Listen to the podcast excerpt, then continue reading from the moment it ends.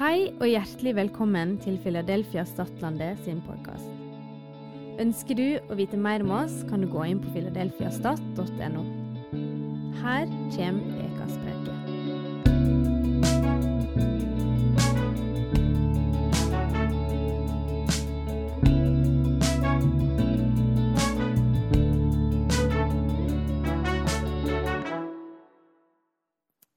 Temaet for festivalen, det var sannhet.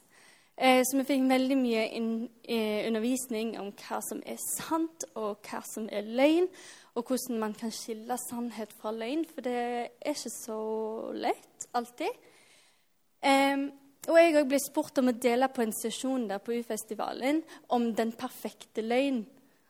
Og da eh, kverner jeg sykt mye på liksom, Skal jeg lære alle sammen å lyge? er det det jeg skal gjøre? Eh, det går jo ikke. Og en perfekt løgn, eh, hva menes med det? Og det som vi ville fram til, var å finne ut hvorfor tror vi faktisk på løgn. Hva er det som gjør at vi tror på løgner som vi blir representert? Hva er det som gjør at vi bare sluker de rått uten å egentlig tenke oss om? Så det vil jeg dele med oss i dag. Og jeg kaller det for de troverdige løgnene. Eh, ja. Og det er løgner som er så effektive og som er så usynlige at vi bare tar dem for sannhet uten å blinke. Og Thomas Neteland, eh, kanskje et navn for noen av dere, eh, han kalte de for vakre løgner. Og her er noen eksempler av de løgnene som han, han hadde. Har du lyst, har du lov. Frihet det er ingen grenser, og det er mye gøyere å drikke alkohol. Eh, du kan være din egen gud, porno er harmløst, og du er lykkelig om du ikke har barn. Eller den siste Netflix hele dagen. Det er bra for sjela. Andre ting kan være eh, Seksualiteten din er det viktigste om deg. Love is love. Eh, ja, det fins uendelig mange flere løgner. Og jeg kaller de troverdige løgner, for veldig ofte så tror vi på de. Kanskje ikke akkurat de her, kanskje noen i samme gata.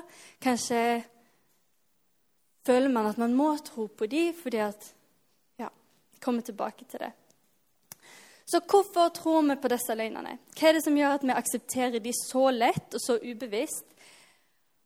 Og igjen, de neste minuttene skal jeg ikke lære oss å lyge, men jeg skal lære oss å gjenkjenne løgn. Jeg Skal lære oss å fange disse løgnene. Eh, så for det første følelser. Hvorfor tror vi på løgner? Jeg tror det er fordi at mange av disse løgnene de appellerer til følelsene våre. Vi aksepterer løgner mye lettere hvis det stemmer overens med hva vi føler. Hvor mye, Hvem her syns ikke det er utrolig deilig at noen bare bekrefter noe? Når du er sint på noe, så vil du at andre skal være sint på samme ting.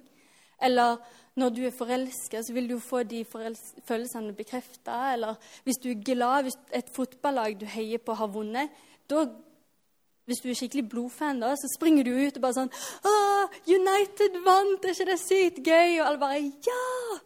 Håper du. For du vil få de følelsene bekrefta. Så blir du veldig såra i deg hvis noen bare sånn Å, United er dustelag. For eksempel. Liksom, vi søker hele tida å få følelsene våre bekrefta.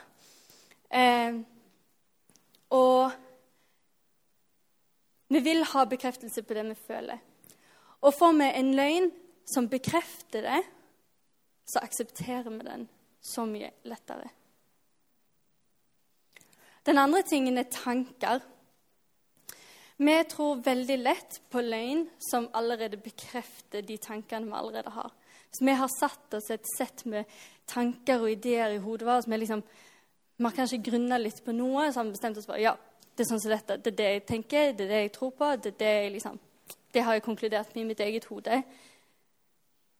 Og du får noen andre ideer som bekrefter det, så sluker vi dem. Bare sånn, ja, Algoritmer er bygd opp sånn, internett er bygd opp sånn. Eh, og det er så sykt stress å endre mening. Det er skikkelig stress.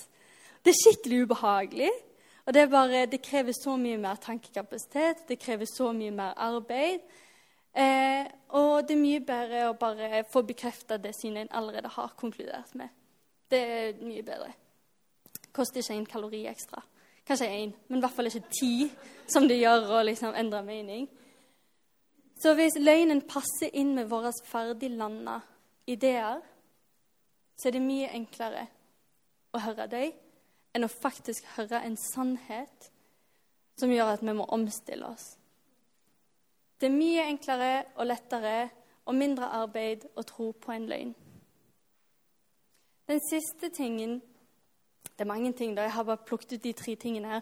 Den siste tingen jeg har skrevet på veggen her, det er sosialt press.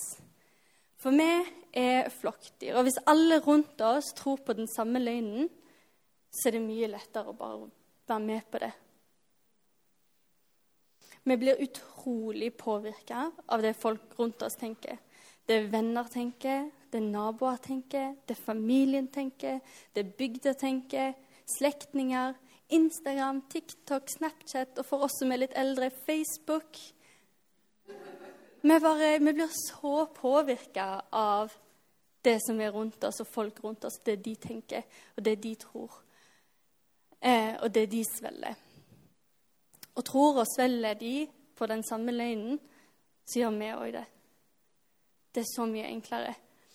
Og det er så mye enklere, spesielt når man blir stilt til veggs. Er du for eller mot oss? Er du for eller mot nabolaget? Er du for eller mot det, som vi tenker i familien i slekta? Er du for eller imot eh, alle de som står rundt deg? Og det er mye lettere å akseptere en løgn og være en del av den der gjengen og være en del av det der ute, være en del av flokken, enn å faktisk akseptere en sannhet istedenfor å risikere å stå utenfor og føle seg alene. Vi ender opp med å akseptere løgn fordi vi sjøl vil bli akseptert. Og Det bunner til slutt i at jeg tror at vi velger vår komfort over sannhet. Vi tror på løgner uten å tenke engang fordi det er komfortabelt for oss. Vi vil ikke endre mening, eller vi vil ikke føle noe annet, eller vi vil jo være en del av alle sammen. Vi craver komfort. Vi elsker å ha det, ha det, behagelig, ikke ubehagelig. Noen liker kanskje å ha det ubehagelig, sånn som de som elsker å trene. Men sånn generelt, oss andre, vi liker å ha det behagelig. Ja. Gruer meg allerede litt i morgen når jeg skal trene med Hilde. Men vi vil ha det behagelig. Eh, det er komforten som blir til syvende og sist det viktigste for oss, ikke det som er sant. Og så har du en helt egen kategori av troverdige løgner. Og det er de løgnene som er 90% sant. Eller du kan kalle de halvsannheter. Eh, en skikkelig troverdig løgn sies det Dette er bare et rykte jeg har fanget opp i lufta. en skikkelig troverdig løgn sies å være 90% sann. Det betyr at veldig mye er sant, men ikke alt. Det er litt sånn en tweak eller en twist på ideen eller tanken eller det som blir sagt, som bare gjør at Å ja, bare endrer hele retningen. Det bare Hele setningsstrukturen blir bare snudd opp ned. Men det som er Det var jo egentlig sant, eller og så er det litt vanskelig å helt få tak i hvor det liksom skurrer. For det er bare sånn Det er en merkelig liten ting som bare gjør at hm, det stemmer kanskje ikke. Og det er ikke alltid like lett å eh, se det, for det høres så sant ut. Og det ender opp med at vi kjøper den løgnen som om det er en iPhone på supersalg. Fordi vi ikke har nok kunnskap eller nok innsikt til å se at det egentlig var en fake iPhone. Følger du med på bildet mitt? Det jeg prøver å si, er at eh, av og til så kan vi bare ikke nok. Vi har ikke nok kunnskap, vi har ikke nok innsikt til å skjønne om det faktisk er sant eller ikke. Så vi bare tenker det er sant. Eh, og vi kjøper en sånn 90 sannhet-løgn fordi vi ikke kjenner til den sannheten som er 100 Nå er det nok prosentregning. Det jeg mener er at vi aksepterer halvsannheter som ser og høres og føles og kjennes sanne ut, fordi vi ikke kjenner til sannheten med stor S. Det som faktisk er sant, og det som står urokkelig sant gjennom alt. For det finnes en sånn en sannhet. Og la meg redde deg for flere bomkjøp. Den sannheten med stor S, det er Jesus. Det vil aldri ende seg. Eh, og alle halvsannheter og alle troverdige løgner de vil aldri, aldri kunne måle seg eller stå imot den sannheten. Jesus. I Johannes 14, 6 sier Jesus, 'Jeg er sannheten, veien og livet'. Å tenne med Jesus så er det så mye lettere å fange opp de falske sannhetene og troverdige løgnene. Spesielt fordi gjennom Jesus så har han gitt oss Den hellige ånd, som òg heter sannhetens ånd. Og Vi er ikke kalt til å leve et kristent liv, vi er ikke kalt til å leve dette livet alene, men sammen med Den hellige ånd og sammen med menigheten, ikke minst. Men denne sannhetens ånd kan hjelpe oss å skille disse løgnene som vi blir representert med.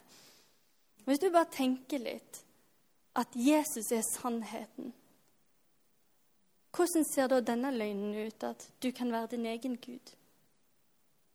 Hvis Jesus er sannheten, og Jesus sier han er sannheten, så vet vi Jesus sier at han er Gud. Implisitt så sier han at han er Gud. Og du blir fri av å leve grenseløst, er jo en annen troverdig løgn. Men det sannheten er Jesus.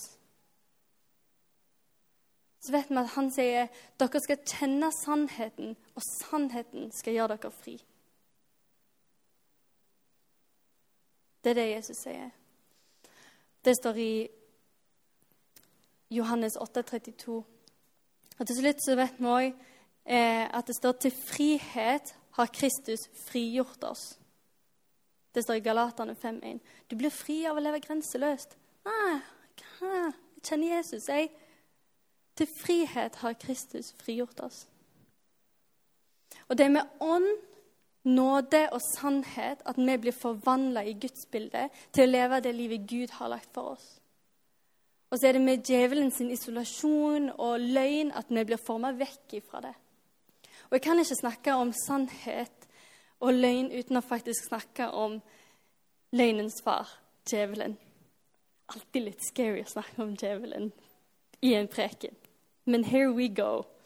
Fordi hans mål vil alltid være å styre oss vekk ifra Guds sannhet. Og hans løgn, det er hans sterkeste virkemiddel. Så for å forstå hvorfor vi tror på disse troverdige løgnene, hvorfor vi gaper over dem, så må vi òg skjønne hvordan de blir servert til oss. Og djevelen sin taktikk Sier alltid feil her. Eh, djevelen sin taktikk, det er isoler og forvirr. Han isolerer med sånn eden i hagen tilsynelatende alene helt til hun tar med seg Adam inn i fallet.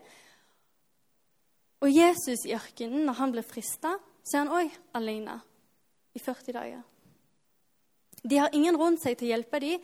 De blir skilt ut fra flokken og blir et veldig betydelig lettere bytte. Djevelen bruker ord for virr fordi han bruker de mest effektive og skitne triksene i boka. Og Mange av de har vi snakket om allerede, men han vrir på sannheten han søker komforten vår, han sikter på følelsene våre og tvilen vår, og så sier han Har Gud virkelig sagt? La oss ta en ekstra kikk på når Jesus er i ørkenen. I Matteus 4, 1-11.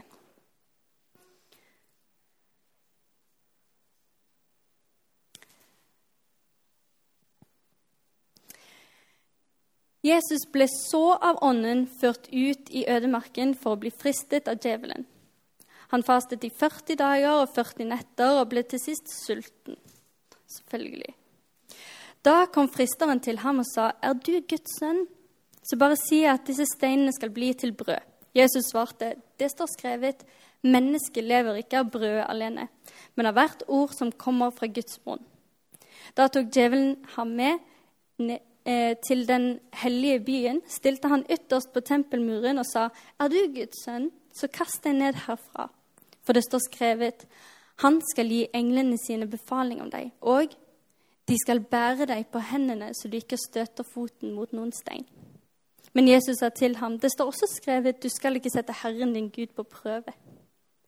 Så tok djevelen han med seg på et meget høyt fjell og viste ham alle verdens riker og deres herlighet, og sa, Alt dette vil jeg gi deg dersom du faller ned og tilbyr meg.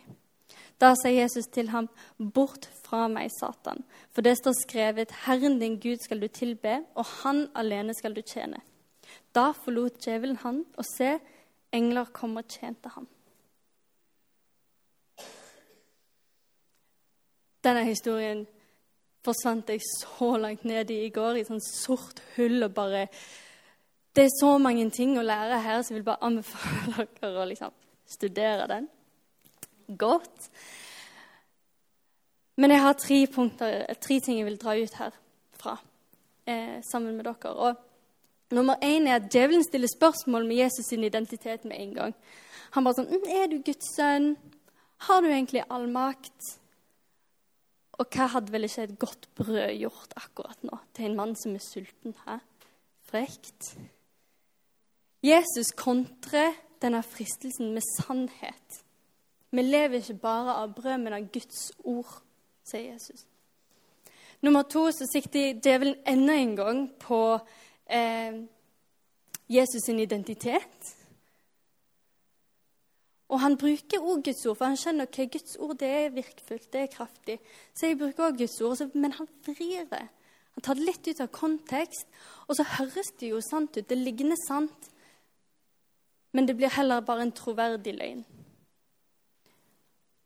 Og Jesus er jo å tenne til den fullkomne sannheten, og han står imot en gang til og siterer Guds ord. I den siste fristelsen så prøver djevelen å få Jesus til å tro at han kan nå Gud sitt mål med sin taktikk.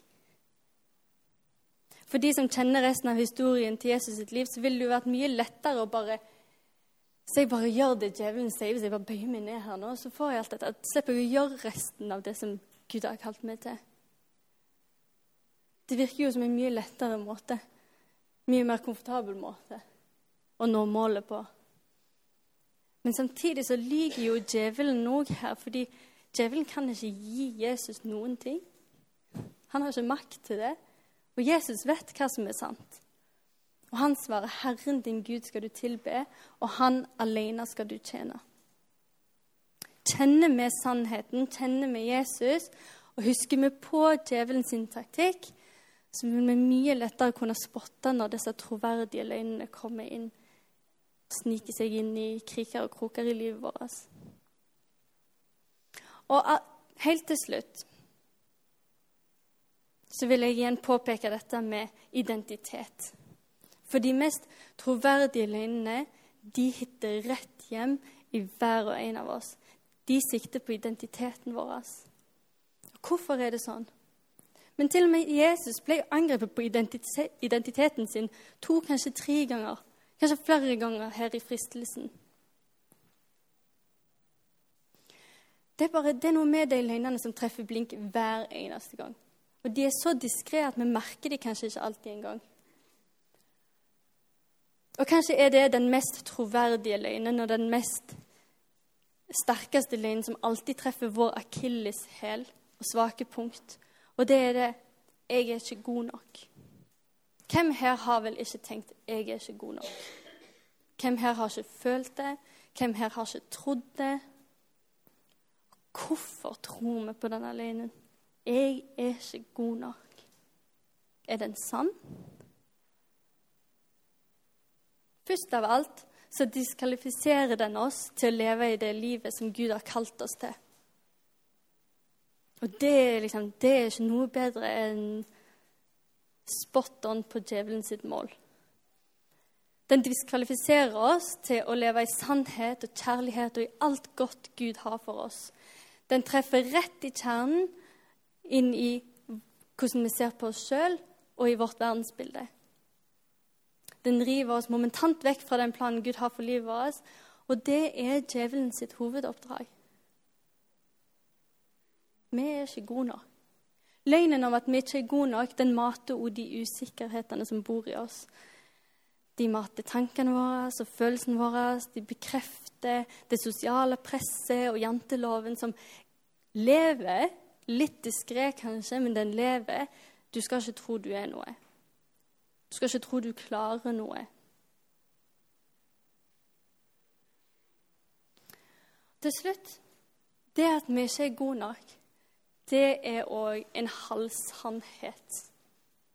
Det er 90 sant. Vi er ikke gode nok.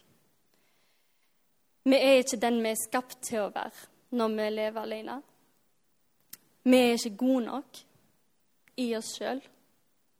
Men det er i og gjennom Jesus at vi er gode nok. Og det er det som er den 100 fulle og hele sannheten. Vi er ikke gode nok, men i Jesus så er vi gode nok. Takk for at du hørte på. Har du spørsmål eller ønsker å koble deg på kirka, ta kontakt på mail eller gjennom vår nettside. Håper du vil høre på neste uke også, eller at vi sees på gudstjenesten. thank you